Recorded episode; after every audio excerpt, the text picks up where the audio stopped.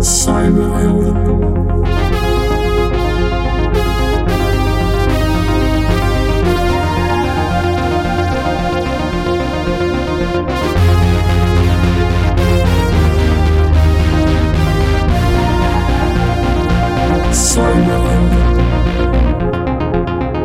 Bij de 24e aflevering alweer van Cyberhelden. De podcast waarin ik in gesprek ga met een gast die zich bezighoudt met de digitale dreiging.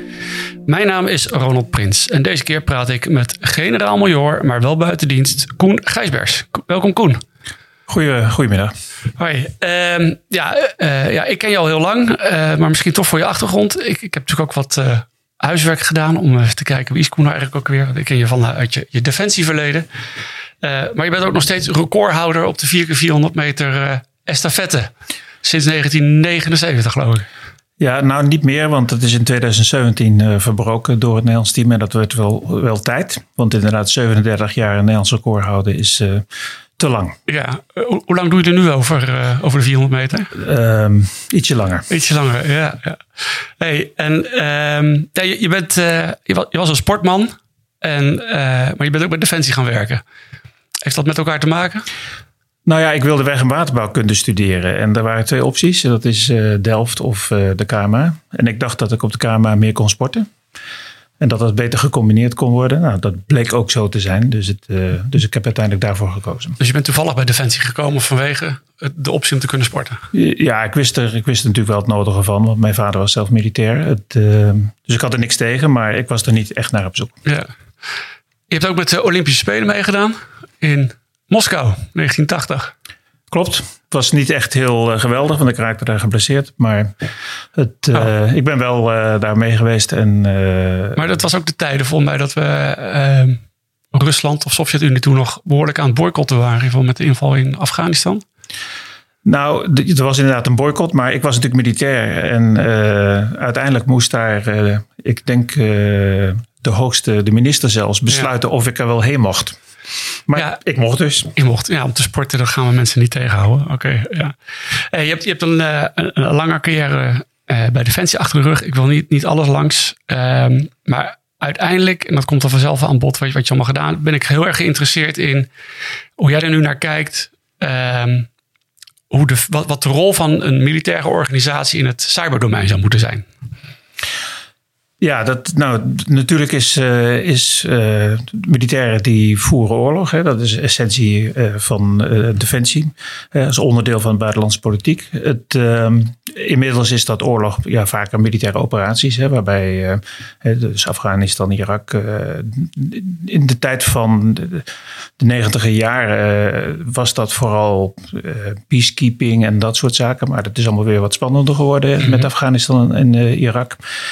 En met name om die eh, operaties mogelijk te maken, eh, gebruikt Defensie enorm veel digitale technieken. Uh, allerlei satellietinformatievoorziening, uh, commandovoeringssystemen en dergelijke. En het is natuurlijk slimmer als je in staat bent om die van de tegenpartij uit te zetten, Ja. hè, dan dat je moet schieten. Het, het dus de cyberdomein autom heeft automatisch een belangrijke rol, speelt dat in, in militaire operaties. Het, ehm, en hoe is dat op jouw pad gekomen binnen, binnen je defensiecarrière? Nou, eigenlijk uh, heb ik, ik, heb, ik ben commandant luchtmoederbrigade geweest. Hè. Dat was de laatste operationele baan die ik uh, gedaan heb. Uh, dus ik, ik denk dat ik goed begreep hoe je commando moet voeren. Uh, alleen dat gebeurde in die tijd weliswaar met radio's en met alle andere systemen, maar nog niet echt heel digitaal. En ik ben, van daaruit ben ik gaan werken bij de denktank van de NAVO, Allied Command Transformation. Uh, in de Verenigde Staten, um, waar we met name gekeken hebben naar hoe je nou dat gevechtsveld gaat digitaliseren. Mm -hmm. En, uh, welk jaar was dat? Dit was, uh, nou, NAVO had besloten eigenlijk in 2005 om dat te gaan doen. En dat heette Net-Centric Warfare. Ja. Het, uh, en in 2006 tot 2009 heb ik daar aan bijgedragen. Okay. En ik heb met name gekeken hoe je dat ja, nou implementeert. Hè? Welke, hoe je die systemen aan elkaar brengt. Toen was cyber eigenlijk nog niet echt een stond niet echt hoog op de agenda, maar dat is wel vrij snel gekomen. Want in 2007 werd Estland aangevallen. Ja. En omdat het natuurlijk een NAVO-lid was, uh, ben ik daar naartoe gegaan vrij snel om te kijken wat wij, of we konden helpen. Nou, mijn constatering was dat Estland eigenlijk de NAVO kon helpen. Ja, maar, maar, maar, was dan ook niet, dat is dus een aanval op een NAVO-land, dat betekent nog wat toch? Ja, dat hadden we toen nog niet echt uh, helemaal scherp wat dat betekende. Hè. Er wordt nu eigenlijk nog gediscussieerd over artikel 5 nou wel of niet geldt in dat geval. Hè. Artikel 5 betekent dat je gerechtigd bent, zeg maar, uh, of je, je, je, moet een, een, een land helpen, verplicht. Hè, een NAVO-land als die wordt aangevallen. Ja. Nou, dat geldt uh, voor fysieke aanval natuurlijk helder, is dat helder. Maar in dit geval ja, is er ook niemand doodgegaan. De, de ziekenhuis eh, en de economie werd platgelegd. Uh, en ja, NAVO heeft er toch vrij lang over gedaan om vast te stellen of dat nou die digitale oorlogvoering, hoe, hoe je daarmee om moet gaan. Ja. En inmiddels is er overigens wel besloten dat dit dat dan geholpen moet worden. Maar ja, niet, de artikel 5 is nog niet echt, heel, echt zeg maar, aangepast op dat vlak. Nee, maar als we die keuze hebben gemaakt van dat dat toch ook een aanval is, dat dat voldoende is om te kwalificeren voor artikel 5, dan zijn we er toch? Ja, maar dat is politiek, hè? Het, uh, en, en dit is natuurlijk een... een en, heel juridisch, hè? En onder... Het is juridisch, maar het is ook een heel ingewikkeld threshold. Hè? Van, ja. Eh, je komt namelijk niet fysiek op een land van een ander land. Hè? Je, je trekt een land niet binnen met mensen. Uh, aan de andere kant uh, kunnen er wel mensen doodgaan. Ik bedoel, als je in staat bent om een ziekenhuis plat te leggen en uh, waardoor de mensen komen te overlijden, ja. Eh, ja. dan zit je toch alweer op een, eh, op een ander vlak. Nou ja, kijk, en, en ehm, ja, als, als, een, als een militaire organisatie een ander land aanvalt, het gaat ook niet altijd om dat je dat land wil overnemen of zo wil bezetten, maar je wilt kapot maken. Ja, dat kan je natuurlijk fysiek doen, maar dat kan je tegenwoordig beter digitaal doen. Dus het, in mijn ogen past dat gewoon heel erg in het spectrum van hoe je uh, uh, ja, een conflict kan hebben met een ander land. En dat is ook wat er, wat er gaande is. Hè. Er zijn verschillende militaire uh, inzetten geweest waar vaak de Sovjet-Unie een rol, of, of, Rusland een rol in gespeeld heeft. Het, um, ik ben zelf in 2008 um, betrokken geweest bij de aanval op Georgië. Uh, in de zin van dat de Russen hebben daar twee provincies uh, bezet. Ja. Nadat ze eerst het leger hadden uitgeschakeld, digitaal hadden uitgeschakeld. Hè. Die was lam. Ja. Uh, en ze, dus kon, die konden niet meer communiceren. Die konden niet meer communiceren. Radio's ja. werkten niet. Het, was ook, Georgië was ook een veel minder digitaal land als het gaat om dan Estland. Hè. Het, het land zelf. Maar, Kon je eigenlijk zeggen dat de Sovjet-Unie in die tijd voorliep op het Westen? Nou, in ieder geval waren ze er wel uh, zeg maar met dit onderwerp duidelijk bezig. Meer, ja. meer dan wij waren. Het, uh, ja. ja. En het, uh, of ze verder waren, dat, dat weet ik niet. Dat, ehm, kijk, wij zullen die.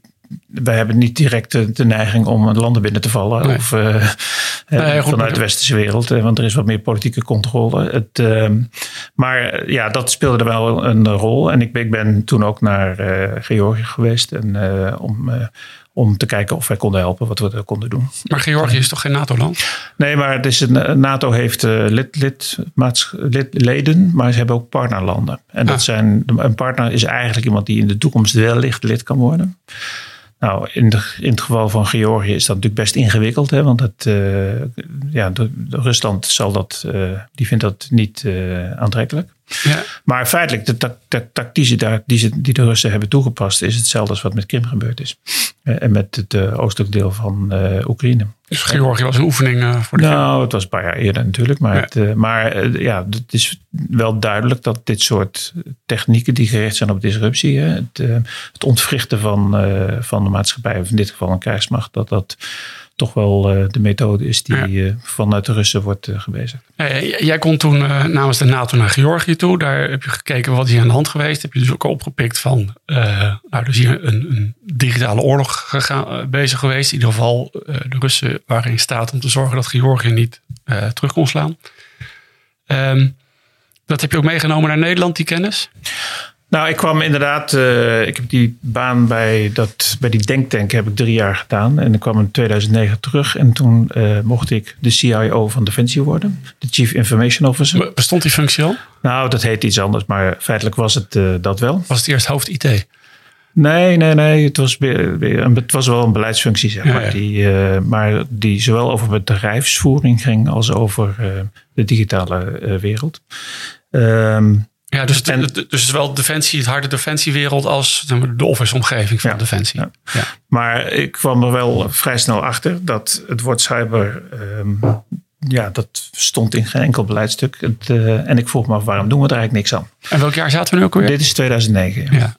En toen zijn we begonnen uh, om, om zeg maar het eerste cyberstrategie te maken van Defensie. En dat is eigenlijk de basis geweest voor de huidige structuren die er nu, uh, nu liggen. En, en, dat was juist in de tijd dat we enorm aan het bezuinigen waren. Dus de, de tanks de deur uitgingen volgens mij. Ja, maar het lukte mij toch om er geld voor te krijgen. Ja. Dus het, uh, want de, ik moet zeggen dat daar wel enige overtuigingskracht voor nodig was. En daar heb ik ook uh, buitenlandse collega's bij gebruikt om, om dat te doen. Ja. Onder andere Melissa Hathaway, die heeft daar een rol in gespeeld. Oh, ja. het, uh, en, en een aantal andere mensen om uit te leggen hoe belangrijk dit is. Het, want het stond echt gewoon niet op de agenda. Het, maar inmiddels wel.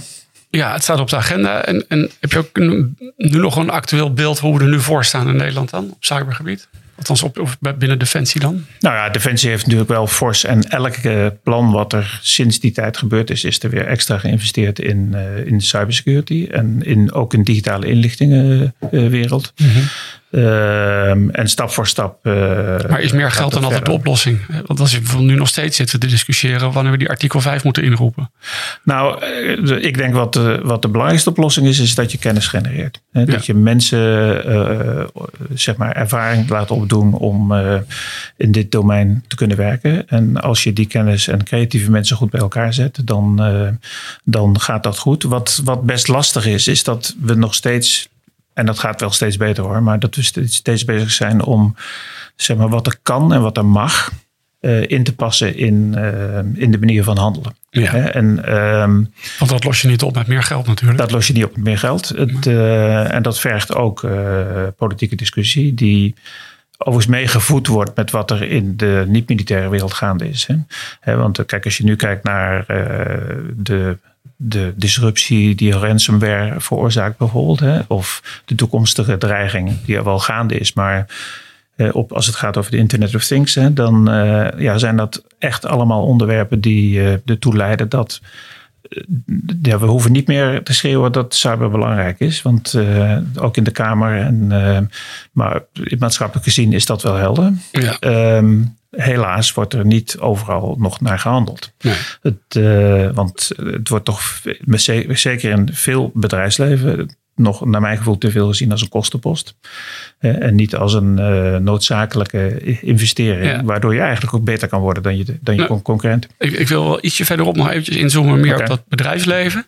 Um, en ik zit nog steeds wel te zoeken naar... Um, ja, wanneer gaan we nou onze defensiemensen inzetten? En ik las vorige week in Trouw interview met uh, Bart Groothuis. Ook een, uh, een cyberheld geweest. Nummertje, nou weet niet meer, drie of vier. Uh, hij is Europarlementlid voor de VVD. En nou, ik lees anders even een stukje voor. Um, de NAVO is net als de EU nog altijd op zoek naar een strategisch antwoord op nieuwe vormen van bedreigingen. Die dreiging vat ik samen als dood door de duizend steek. Een optelsom van vijandige acties die ieder voor zich onder de geweldsdrempel vallen, waardoor de NAVO niet in actie komt of zelfs mag komen.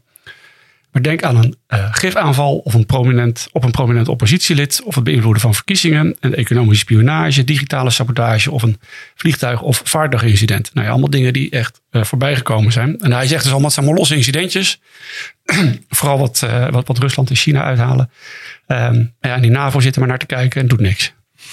Nou, dat is natuurlijk niet waar. Uh, alleen, NAVO zit, de, de, NAVO handelt binnen het mandaat wat men heeft. Hè. En ik, ben, ik ben de cyberbaas van de NAVO geweest. Hè. De, technisch verantwoordelijk voor het, uh, het, het alle IT-systemen, zowel operationeel als, uh, als Office, om het zo maar te zeggen. Mm -hmm. het, en het beveiligen daarvan. En, maar dat is alleen van de NAVO als organisatie. Ja. dus, dus ik moest zorgen met mijn De NAVO heeft zelf geen manschap of zo. Hè? Dat zijn de lidstaten die dat. Uh, nee, de, de, als het, wat hij bedoelde is aanval op landen en op uh, NAVO-leden. Uh, en dan ligt het eerste mandaat voor die beveiliging en de verdediging daarvan bij de landen zelf. Het, um, en uh, waar wij altijd naar uh, gestreefd hebben, is dat de NAVO dit onderwerp ook ging gebruiken om die inzet te coördineren. Mm -hmm. En dat is best ingewikkeld. Hè, want nou, jij weet toevallig vrij veel van de inlichtingenwereld. Hè? En je ziet dat het delen van inlichtingen en zelfs van cyberinlichtingen best ingewikkeld is. En naar mijn gevoel soms ook wel iets te ingewikkeld gemaakt wordt. Maar het, als het gaat om echt zaken die ja, die heel geheim zijn, dan is het heel moeilijk om dat in een grote groep landen te delen. Ja. En dat betekent ook dat je met die hele groep landen niet gezamenlijk dat goed kan bestrijden. Het, uh, maar dat gebeurt veel meer in uh, ensembles van landen. Hè. Je hebt bijvoorbeeld de Five Eyes Community. Ja. De Amerika, Engeland, Canada, Australië, Nieuw-Zeeland. en het, ehm, uh, waar overigens de NAVO soms en soms wel, en, hè, ik als NAVO-organisatie soms wel en soms niet uh, deel van uit kon maken. Ja. Um, maar ja, dat maakt het best ingewikkeld om uh, effectief gezamenlijk actie te nemen. Omdat, omdat elke defensieoperatie heel erg afhankelijk is van inlichtingen. En de vraag ja. is, wil je die inlichtingen wel delen met elkaar? En, en aan de andere kant, het is ook niet de, de rol van de NAVO als organisatie om dat te doen. Hè? Uh, want ik bedoel, de NAVO heeft ook geen tanks. Nee. landen hebben tanks. Het, dus landen hebben ook, sommige landen hebben cyberwapens. Uh, wat uh, NAVO aan het doen is, is om te kijken of die coördinatie van die inzet verbeterd kan worden. Het, uh, en daar speelt ook de Supreme Light Commander in Europe dan een belangrijke rol in, mm -hmm. om die afstemming te doen. Oké. Okay. Um, nou, dan, dan, nu nog eventjes wat dichter bij huis. Inderdaad gaan kijken van um, ja, cybersecurity in Nederland. Um, na je militaire loopbaan ben jij ja, ook het bedrijfsleven meer ingegaan. Bedrijven gaan helpen op de vlak van uh, cybersecurity. Uh, een ding wat je gedaan hebt, is wat ik tegenkwam, was een uh, onderzoek in opdracht van de provincie Zuid-Holland.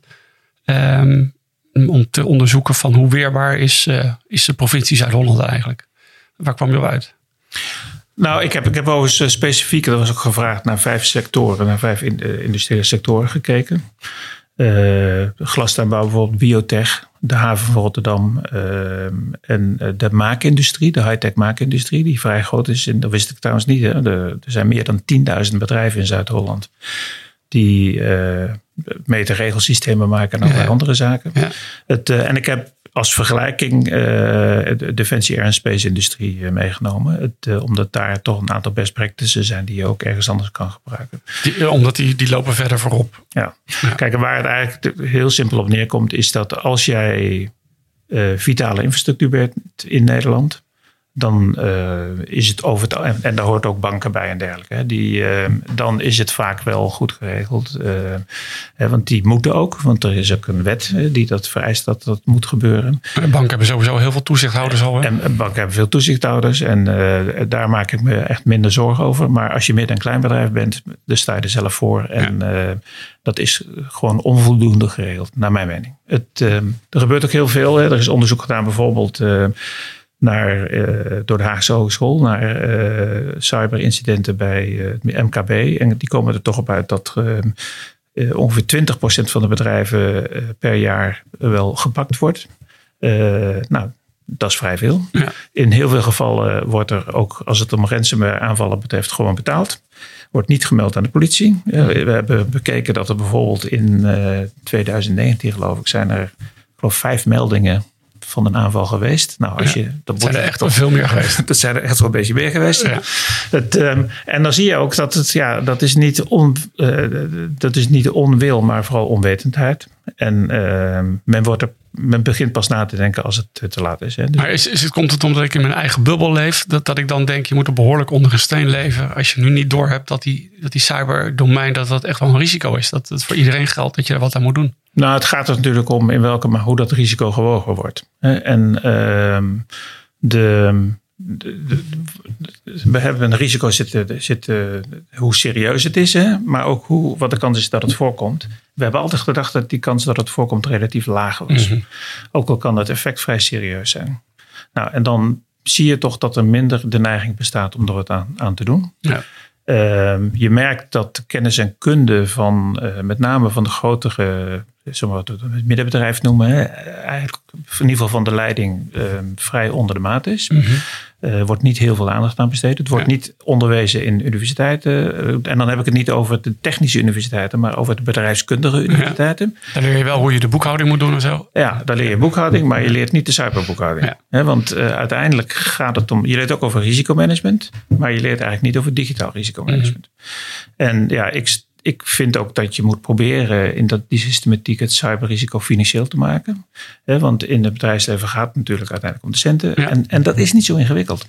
Het, ehm, want je kan uh, zelfs ehm, als je een goede mapping maakt van je digitale systemen, je bedrijfsprocessen en wat de output van die bedrijfsprocessen is, dan kan je een technisch risico vertellen naar een bedrijfskundig risico en naar value at risk, hè, wat, wat het risico in waarde is. En dat kan geld zijn, maar dat kan hè, dat je bijvoorbeeld je systeem opnieuw op moet bouwen of dat je rente moet betalen. Maar dat kan ook reputatie zijn of, uh, of anderszins. Ja, of diefstal van intellectueel eigendom. Of, uh, of diefstal van intellectueel eigendom. Um, kijk, en, en ja, daar denk ik dat er wel een kans ligt als je, als met name ook een universiteit, een, de Erasmus Universiteit Economische School, maar ook daar Haagse Hogeschool als die op dat onderwerp wat meer gaan doen. Dus dat, zeg maar, dus dat, die, dat die managementlagen en de directies in de board meer doorhebben dat, die, dat cybersecurity, hoe relevant het is, dat ze daar met risico's bezig moeten zijn en moeten kijken dat, dat je iets aan moet doen in ieder geval. Uh, vaak zullen ze het ook niet zelf kunnen, denk ik, en hebben ze daar partners bij nodig. Maar, maar wat is dan uiteindelijk, dit is de provincie die dit onderzoek heeft laten doen, wat, wat is nou de rol van de overheid hierin dan? Nou, ik denk dat de rol van de overheid, anders dan voor de overheid zelf vooral, is om te stimuleren dat dit gebeurt. Hè. En, en zo heeft uh, Zuid-Holland recent bijvoorbeeld een uh, stimuleert, heeft uh, innovatie op het gebied van cybersecurity. Mm Ze hebben een Do It IoT. Hè, dat is met name gericht op de beveiliging van, uh, van IoT-omgevingen. Uh, daar zijn daar, hoe heet dat, subsidies uitgeloofd of worden uitgeloofd als je als, je als start-up daar mee wil doen. Hè. Dus, dus dat zit echt in de hoek van stimulering. en, en, maar ik, ik, kwam ook de kreet cyberbrandweer tegen. En ja, brandweer zoals ik die nu ken is van de gemeente, denk ik veiligheidsregio's? Nou, dat is, dat is, kijk, dat is een wezenlijke vraag om over na te denken. Hè? Van, is dit nou puur een commerciële probleem? Of mag je van de overheid verwachten dat als er brand is, en, en, en over brand heb ik echt een noodfase, hè, dat je een nummer kan bellen om te zeggen: hé, hey, wat moet ik nu doen? Ja. En uh, ik weet dat het antwoord daarop is een, eigenlijk een, ja, ook al een politieke keuze. Hè, van, uh, kijk, als je ziet dat je, je economie van Nederland, hè, want Zuid-Holland is weliswaar een kwart van de economie van Nederland, maar het is nog een onderdeel van. Mhm. Als je ziet dat die toch een hoger risico loopt hierdoor en dat het niet echt ehm, hoog op het netvlies staat om er wat aan te doen, dan zou je best kunnen afvragen of dat niet ook een taak, of daar niet een deel van een taak van de overheid in kan liggen. Maar als je, als je nou ziet dat uh, nou, Marcel als voorbeeld, die heeft uh, uh, ook een eigen als je toch de brandweer als analoog gebruikt, die heeft zijn eigen brandweer. Ja. Zijn eigen bedrijfs, bedrijfshulpverlening. Ik, ik, ik, denk overigens ook dat je, want kijk, Shell kan dat doen, dat is een groot bedrijf. Hè? Het, uh, het geldt ook voor andere grote bedrijven. Wat ik heb geadviseerd bijvoorbeeld is, is dat de glastuinbouw gezamenlijk met elkaar af en toe een klein beetje in een potje doet. Mhm. en, uh, en daar hoeft de overheid, die hoeft daar ook niet aan bij te dragen. Het, uh, maar die kan dat wel stimuleren. Uh, en daarmee, zeg maar, voor de hele glastuinbouwsector een, zo'n, zo'n brandweerfunctie in gaat richten. Ja, dus een eigen incident response team specifiek voor hun. Want ze hebben specifieke technologie. Ja. Het, ehm, hè, en glastuinbouw bijvoorbeeld, is enorm veel meterregelsystemen. Ja. En heel weinig kennis. Ehm, er gaat veel geld om echt veel geld om. Ja. Het, uh, en je loopt, en dat hebben inmiddels de boefjes uh, in de gaten. Hè? Dus er worden regelmatig aanvallen uitgevoerd mm -hmm. in die sector. Uh, waarbij zo'n bedrijf dan gewoon betaalt. Want die, ja. ja die moet door. Ja, we komen ze ook tegen omdat ze daar mooie uitvindingen doen over hoe je slimme kassen maakt. En dat vinden Chinezen ook wel heel interessant. En ja, de, hele, de, de, de intellectual property speelt daar ook een rol. Ja. Ehm, de, zeker. Um, Ergens uh, haal je ook naar voren uh, dat er een samenwerking zou moeten zijn met Defensie en de veiligheidsdiensten tussen het bedrijfsleven. Ja, nou ja, dat gaat met name over uh, cyberinnovatie. Kijk, ehm, ik vind dat Nederland het beter kan doen als het gaat om het stimuleren van van uh, cybertechnologieontwikkeling, hè, met name door start-ups. Het, uh, ik heb zelf uh, werk ik in het Verenigd Koninkrijk, in Engeland, waar dat heel intensief gestimuleerd wordt vanuit de overheid. Hoe, hoe gaat het daar dan?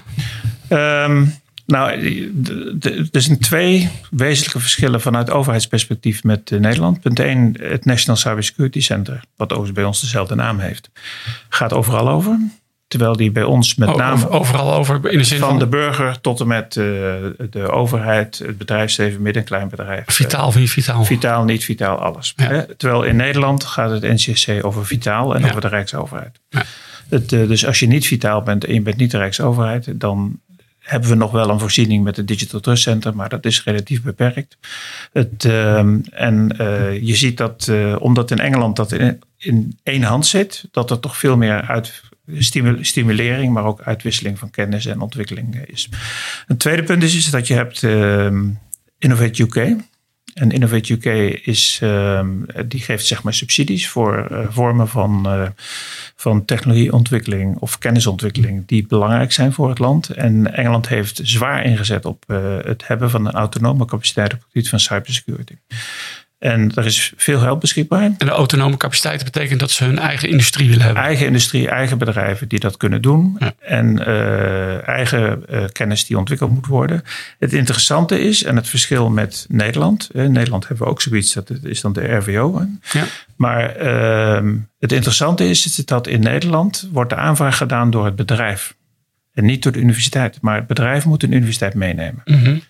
En dat betekent dat de, dat is een mooi woord voor, hè, valorisatie. Het zorgen dat die, uh, die technologieontwikkeling ook verkoopbaar wordt. Hè, ja. Dat je er een business van kan maken. Ja, die is veel beter geborgd dan uh, in de systematiek van Nederland, waar wij voortdurend klagen over het feit dat die valorisatie niet echt van de grond komt. Hè, want we doen. Maar in Nederland gaat dus het geld in principe naar de, de wetenschapsinstituten. Ja. En die zoeken er dan later bedrijfjes bij. Ja. Het, ja, ik krijg regelmatig verzoeken of ik iets wil ondertekenen, want dan steun ik iets. En dan, ja, maar dus ik denk eerlijk gezegd dat dat systeem in Engeland toch uh, effectiever is. Want dan krijgen de bedrijven krijgen het geld. Daar moet het ook verdiend gaan worden uiteindelijk. En die moeten een universiteit erbij zoeken om samen ja, te ontwikkelen. Ja. Ja. En, het, uh, en ik werk zelf met een paar start-ups in Engeland. En die, uh, ik moet zeggen, dat is een hele levendige uh, ontwikkeling. Het, en wij, je werkt ook met groepen van universiteiten. Hè. We werken met die start-up met um, met uh, het CSIT in Belfast bijvoorbeeld. Mm -hmm. die, die, is met name op chiptechnologie bezig. Uh, maar ook met uh, Cranfield over automotive en Work Manufacturing Group. dus je, je, zoekt die universiteiten waar de kennis zit. Maar het aardige is ook, en dat is het, het derde verschil. Er is daar nooit discussie over IP. Het intellectual property is van het bedrijf. Ja, en die want daar is, moet het geld verdienen. Die nemen risico. Geld, die ja. nemen risico en die gaan daar ook wat mee doen. Ja. En ja, in Nederland zie je toch, en dat is ook iets wat die valorisatie van die technologie tegenhoudt, dan een on, onmiddellijk een discussie ontstaan van, ja, maar dit deel van die IP is van de universiteit of van TNO. En, ja. Uh, maar ja, het is allemaal met overheidsgeld gemaakt. Hè? Dus is het nou niet beter om die, die, die, dat intellectual property bij die bedrijven neer te leggen, die er dan vervolgens wat mee uh, kunnen doen en gaan doen. Ja, en, uh, en dan specifiek op de cybersecurity industrie. Uh, want dat is iets wat Engeland graag voor zichzelf wil hebben. worden die ook nog geholpen vanuit de overheid op een andere manier? Nou, er zijn, uh, er zijn verschillende van die ehm, incubators of accelerators, wat ze dat noemen. Die zijn, een aantal daarvan zijn door de overheid ook opgezet. Dat hebben ze heel aardig gedaan. Hè? Want, uh, en, en, dan komen we, maken we het stapje terug naar Nederland. Hè? Want ja. als je kijkt naar uh, een incubator die heet Waira. Dat is, een, uh, is met name gericht op de jongere technologieniveaus. die zit in het centrum van Londen.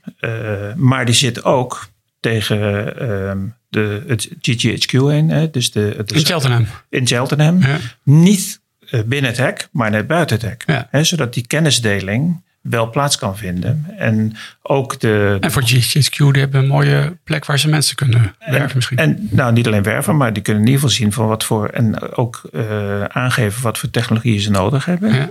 En die geven ook heel nuttig advies over de bruikbaarheid van die technologieën en de kwaliteit daarvan. Ja. Om, uh, helpt ook die kwaliteit om uh, te verbeteren. Nou, en dat zou vind ik een, best een aardige zijn om dat model hier in Nederland ook in te zetten. Hè. We hebben hier toevallig in Den Haag op de Waasdoppervlakte hebben we eigenlijk al die componenten bij elkaar zitten. Want we hebben Defensie daar zitten, we hebben inlichtingendienst daar zitten, we hebben TNO daar zitten, we hebben NATO zit daar ook. en die zijn allemaal met cyber bezig op dat vak. En je zou dat, dat Shelton model zou je dus heel goed kunnen transformeren hier naartoe. Ja. En Defensie heeft dat opgepakt. Hè. Ik vind overigens dat Defensie cyberinnovatie niet alleen moet doen, niet voor zichzelf, maar met name samen met uh, de vitale infrastructuur in Nederland, de bedrijven, hè, het bedrijfsleven die die high-end cybersecurity zitten. En die kennis die transformeert dan uh, relatief makkelijk en eenvoudig naar uh, een groter deel van de Nederlandse economie. Ja.